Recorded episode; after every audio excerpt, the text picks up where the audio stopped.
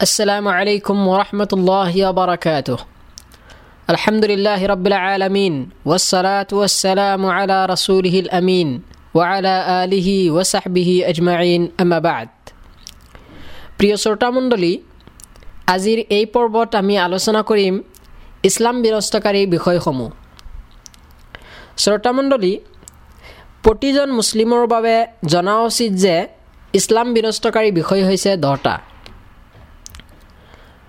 তাৰে প্ৰথমটো হৈছে আল্লাহৰ ইবাদতত আন কাৰোবাক অংশীদাৰ স্থাপন কৰা। যেনে আল্লাহ তালাই কৈছে ইন আল্লাহ অৰ্থাৎ নিশ্চয় আল্লাহে তেওঁৰ লগত অংশীদাৰ স্থাপন কৰাক কেতিয়াও ক্ষমা নকৰে। ইয়াৰ বাহিৰে তেওঁ অন্যান্য অপৰাধসমূহ যিটো ইচ্ছা ক্ষমা কৰি দিব পাৰে। চোৰানিচা আইট নম্বৰ ফৰ্টি এইট আল্লাহ ৰাবুল আলমিনে আৰু কৈছে মাইয়ুশৰিক বিল্লাহি ফাকাদ হাৰ্ৰাম আল্লাহু আলাইহিল জান্নাহ ওয়া মাওয়াহুন নাৰ ওয়া মা লিয-যালিমিন মিন আনসাৰ অৰ্থাৎ নিশ্চয় যিয়ে আল্লাহৰ লগত অংশীদাৰ স্থাপন কৰে আল্লাহে তাৰ বাবে জান্নাত হাৰাম কৰি দিছে আৰু তাৰ বাসস্থান হ'ব জাহান্নাম। আৰু জালিমসকলৰ বাবে কোনো সহায়কাৰী নাই। চুৰা আল মাইদা আইট নম্বৰ ছেভেণ্টি টু আল্লাহৰ বাহিৰে আন কাৰোবাৰ উদ্দেশ্যে জবেহ কৰা ইয়াৰেই অন্তৰ্ভুক্ত। যেনে কোনোবাই যদি জিনৰ উদ্দেশ্যে বা কবৰবাসীৰ উদ্দেশ্যে বা মাজাৰৰ উদ্দেশ্যে জবেহ কৰে তেন্তে তেওঁ ইছলামৰ পৰা বহিষ্কাৰ হৈ যাব। ইছলাম বিৰস্তাকাৰী বিষয়সমূহৰ দ্বিতীয়টো হৈছে যি ব্যক্তি আল্লাহ আৰু তেওঁৰ মাজত আনক মাধ্য মধ্যস্থতা হিচাপে গ্ৰহণ কৰে আৰু সিহঁতৰ ওচৰত প্ৰাৰ্থনা কৰে সিহঁতৰ ওচৰত চুপাৰিচ বা মধ্যস্থতা কামনা কৰে আৰু সিহঁতৰ ওপৰত ভৰসা কৰে। সেইজন ব্যক্তি আলিমসকলৰ সৰ্বসন্মতিক্ৰমে কাফিৰ বুলি বিবেচিত হ'ব। তৃতীয় বিনষ্টকাৰী বিষয়টো হৈছে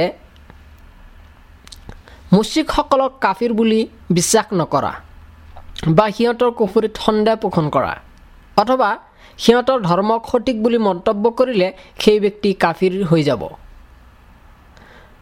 চতুৰ্থ ইছলাম বিনষ্টকাৰী বিষয়টো হৈছে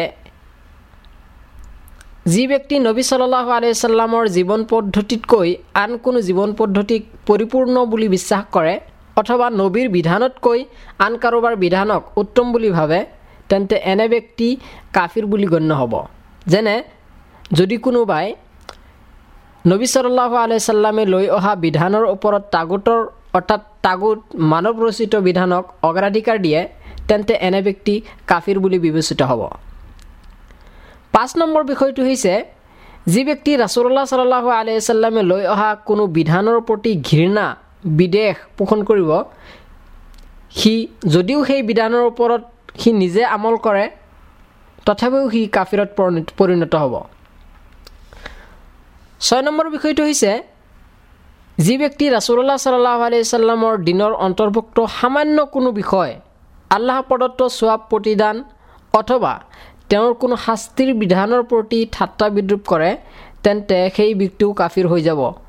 ইয়াৰ দলিল আল্লাহ তালাই গৈছে কুল আবিল্লাহি ৱা আয়াতিহি ৱা ৰাছুলিহ কুন্তুম তাস্তাহজিউন লা তা'তাদিৰু কদ কাফাৰতুম বা'দা ইমানিকুম অৰ্থাৎ কোৱা তোমালোকে আল্লাহক তেওঁৰ নিদৰ্শন আৰু তেওঁৰ ৰাচুলক লৈ বিদ্ৰোপ কৰিছিলা নেকি?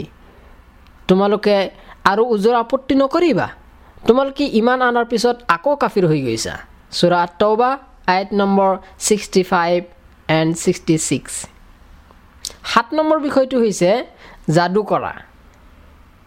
বিকৰ্ষণ আৰু আকৰ্ষণ কৰাৰ বাবে তদবিৰ কৰা ইয়াৰেই অন্তৰ্ভুক্ত। এতেকে যিয়ে যাদু কৰিব অথবা যাদু কৰাৰ প্ৰতি সন্তুষ্ট থাকিব সি কাফিৰত পৰিণত হ'ব। ইয়াৰ দলিল আল্লাহ তালাৰ বাণী।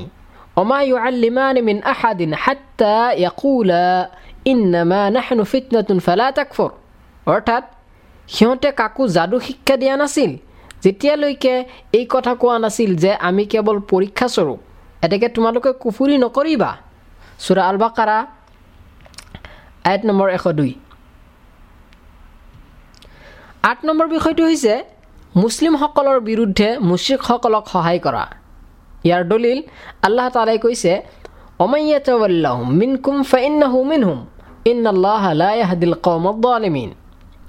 তোমালোকৰ মাজত কোনোবাই সিহঁতক বন্ধুৰূপে গ্ৰহণ কৰিলে সি সিহঁতেৰে অন্তৰ্ভুক্ত হৈ যাব। নিশ্চয় আল্লাহ জালিমসকলক সৎ সৎ পথত পৰিচালিত নকৰে। চুৰা আল মাইদা আইট নম্বৰ ফিফটি ওৱান। ন নম্বৰ বিষয়টো হৈছে যি ব্যক্তি এনে বিশ্বাস পোষণ কৰে যে খিজিৰৰ বাবে যেনেকৈ মুছা আলহিচালামৰ চৰিয়তৰ বাহিৰত থকা সম্ভৱ আছিল তেনেকৈ কিছুমান এনে মানুহ আছে যিবোৰ মহম্মদ চাল্লাহ আলিয়াল্লামৰ চৰিয়তৰ পৰা বাহিৰ হৈ যোৱাৰ অনুমতি আছে। যেনে কিছুমানে গছ কুটুব আবদাল আদিৰ প্ৰতি বিশ্বাস কৰে। তেন্তে এনে বিশ্বাস পোষণ কৰাও সেই ব্যক্তি সেই ব্যক্তিক ইছলামৰ পৰা বহিষ্কাৰ কৰি দিব। দহ নম্বৰ বিষয়টো হৈছে আল্লাহ তালাৰ দিন অৰ্থাৎ ইছলামক উপেক্ষা কৰা বা ইয়াৰ পৰা বিমুখ হোৱা দিনৰ জ্ঞান অৰ্জন নকৰা আৰু সেই অনুযায়ী আমল আমলো নকৰা। এনে ব্যক্তি কাফিৰ হৈ যাব আৰু ইয়াৰ দলিল আল্লাহ তালাই কৈছে অমান মিম্মান দুখিৰা বে ৰব্বে আৰদা আনহা ইন্না মিনাল অৰ্থাৎ যি ব্যক্তি তাৰ প্ৰতিপালকৰ নিদৰ্শনাৱলীৰ দ্বাৰা উপদিষ্ট হোৱাৰ পিছতো তাৰ পৰা মুখ ঘূৰাই লয়। সেইজনতকৈ অধিক জালিম আৰু কোন হ'ব পাৰে? নিশ্চয় আমি অপৰাধীবিলাকক উপযুক্ত শাস্তি দিওঁ। চুৰা আচাজদা আইট নম্বৰ টুৱেণ্টি টু। উল্লেখিত বিষয়সমূহ ঠাট্টাজনিত হওক অথবা উদ্দেশ্যমূলকভাৱেই হওক নাইবা ভয়ভীতিৰ কাৰণেই হওক কাফিৰ হোৱা বিধানৰ দিশৰ পৰা কোনো পাৰ্থক্যই নাই। কেৱল জবৰদস্তিত বাধ্য কৰোৱা ব্যক্তিৰ বাহিৰে। এই বিষয়সমূহৰ প্ৰতিটো বিষয়েই অতি বিপদজনক আৰু এয়া বহুতৰে জীৱনত সচৰাচৰ সংঘটিত হৈ থাকে। এতেকে প্ৰতিজন মুছলিমৰ উচিত এই বিষয়সমূহৰ পৰা সতৰ্ক থকা আৰু নিজকেই ইয়াৰ পৰা সুৰক্ষিত ৰখা। আমি আল্লাহৰ ওচৰত তেওঁৰ ক্ৰোধ আৰু কঠিন শাস্তিৰ কাৰণসমূহত পতিত হোৱাৰ পৰা আশ্ৰয় প্ৰাৰ্থনা কৰোঁ আৰু আল্লাহে কৰোণা আৰু শান্তি বৰ্ষণ কৰক তেওঁৰ শ্ৰেষ্ঠ সৃষ্টি মহম্মদ চাল্লাহ আলি চাল্লাম আৰু তেওঁৰ পৰিয়ালবৰ্গ লগতে তেওঁৰ সকলো চাহাবী চাহাবী আৰু সংগী সাৰথীসকলৰ ওপৰত। আসসালামু আলাইকুম ওৰহমতুল্লাহি ওবৰাকাতু